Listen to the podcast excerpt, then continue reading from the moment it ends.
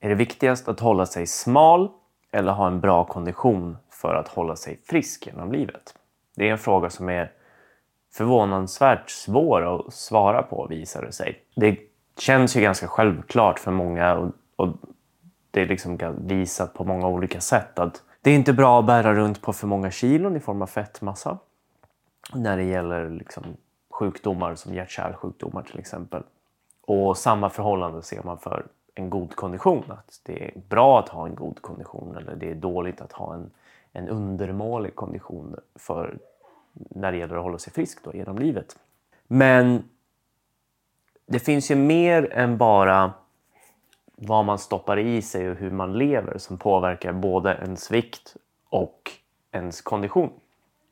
Till exempel genetik spelar ju en väldigt stor roll i vilket, vilket max, vilket syreupptag man har genom livet. Eh, och hur lätt tränad man är för att förbättra sin kondition. Och även då när det gäller viktreglering så finns det en stor genetisk och, och familjär komponenter. Så för att titta på det här, liksom, vilken av de här faktorerna är viktigast och hur viktiga är de överhuvudtaget? Så gjorde ett gäng forskare, bland annat Marcel Balin och Viktor Ahlqvist som har varit med i Tyngre träningssnack tidigare, en eh, studie på mönstrande. Så eh, förr i tiden och även då nu för tiden så var det obligatoriskt att anmäla sig för eh, militärtjänstgöring. Det kallades för mönstring och liksom släpptes man igenom fick man göra någonting som kallas för lumpen.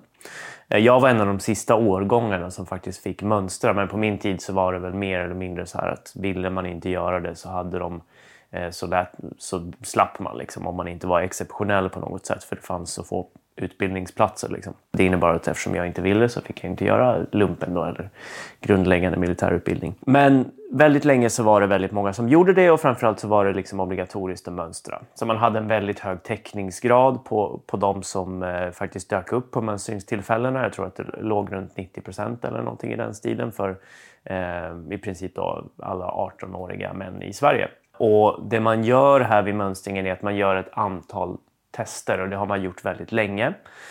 Och tillsammans med de testerna, och det är kognitiva tester, språktester, eh, konditionstest, styrketest och sen en psykologbedömning. Och tillsammans med de testerna så har ju vi en massa fantastiska register i Sverige. Liksom man kan samköra de här testerna genom personens personnummer med deras eh, liksom utbildning. Man kan se vad de går för utbildningar och vilka utbildningsnivåer de klarar av. Man kan se deras sjukdom, så man kan se liksom vilka eh, läkemedel de får förskrivna, vilka läkemedel de hämtar ut. Man kan också se eh, när de dör och vad de dör av genom eh, dödsorsaksintyg och sådana bitar. Då. Och då kan man då titta på liksom hur såg de här ungdomarna ut när de mönstrade? Och sen då, hur såg deras sjukdomshistoria ut senare i livet? Så som sagt, då, de var ungefär 18 år när de gjorde det här. Och i det här materialet så fick man ihop en, en halv miljon grabbar då. Eh, som man mätte då massa olika saker som sagt, men bland annat så var det då en BMI eftersom man tar längd och vikt och kondition som man fick fram genom ett sorts maxtest där man fick cykla på en ergometercykel och sen så höjde man effektutvecklingen eh, stegvis tills man inte klarade av längre. Och konditionsnivån graderas utifrån vilken effektutveckling som man liksom slutar på. När failar man? Liksom. Eh, så man mäter inte syreupptaget men det är en ganska bra analog för det. Tanken här då, vilket man också visade, är att man ska se ett, liksom ett högt BMI, alltså övervikt eller fetma, ska ge en högre risk för hjärt-kärlsjukdomar. Man ska även se här, vilket man också gjorde, att en sämre kondition ska ge en ökad risk för hjärt-kärlsjukdomar. Det här är då när man jämför hela den här kohorten. Så när du tar då till exempel de som har normal BMI versus de som har absolut högsta BMI så ska du se liksom en väldigt stor skillnad i eh, hjärt-kärlhälsa över livet. Och det gjorde man som sagt. Och detsamma såg man för kondition. Dålig kondition, sämre hjärt-kärlhälsa. Men det man också kunde göra som också är så jävla ballt och det här är också då på grund av våra register som vi har i Sverige och, och, och, vad man kan få fram genom det, är att de kunde plocka ut alla bröder i den här gruppen och jämföra dem sinsemellan. Och bröder delar ju en väldigt stor andel av sina gener med varandra. Det var helbröder det här, så de var samma mamma och pappa. Så då fick de ut ett antal bröder och det man kunde göra då är som sagt att man kunde jämföra dem mellan varandra och det man tar bort då, det är ju ganska mycket av genetiken eftersom brödrapar delar väldigt mycket av genetik med varandra. Då. Och man tar bort eh, mycket av uppväxtfaktorer. För fram till 18 års ålder så är de flesta familjer hyfsat kopplade. Sen så någonstans därefter så börjar man ju flytta isär och man börjar leva lite olika liv. Man kan ju göra det även innan där. Alltså att man, det kan vara helbröder som inte lever tillsammans på grund av skilsmässor och alla möjliga saker. Då. Men man tar bort en ganska mycket av de här bitarna. Och det man kan se då är mer hur till exempel då BMI och kondition påverkar då risken att få hjärt-kärlhälsa när du då tar bort liksom genetiken. Och det man såg här var att det var en, den här korrelationen minskade väldigt mycket när man tittade på bröderna. Vilket då innebär att det är ganska mycket genetiken som förklarar till exempel att en hög kondition ger förbättrad hjärt-kärlhälsa.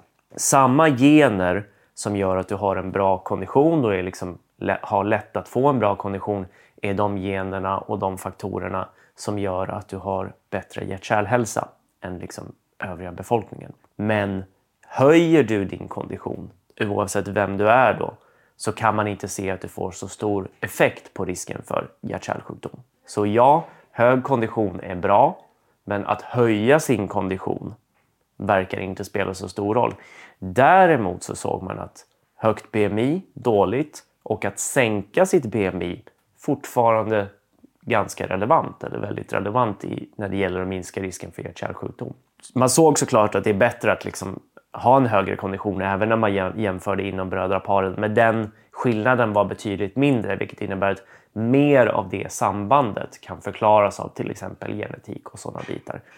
Och då är ju frågan då liksom på individ och populationsnivå, vad ska man liksom lägga tid och resurser på när det gäller att förebygga hjärt-kärlhälsa? Ska man liksom sikta på att alla ska förbättra sin kondition eller ska man sikta på att alla ska hålla en normal vikt? Givetvis vore det bäst om man kunde ha både och. Men den som troligen ger störst effekt på folkhälsan och säkert också på individnivå verkar ju vara att genom livet och hålla en normalvikt eller i alla fall då vid 18 års ålder ha en normalvikt det är troligen det som kommer ge störst effekt på din risk att få hjärt-kärlsjukdom om man tittar på den här studien. Och som sagt, det här är ju ett imponerande material. Det var en, en halv miljon eh, deltagare i den här studien så det, de, de hade väldigt bra power för att upptäcka små skillnader och skillnaderna här som man såg var väldigt stora.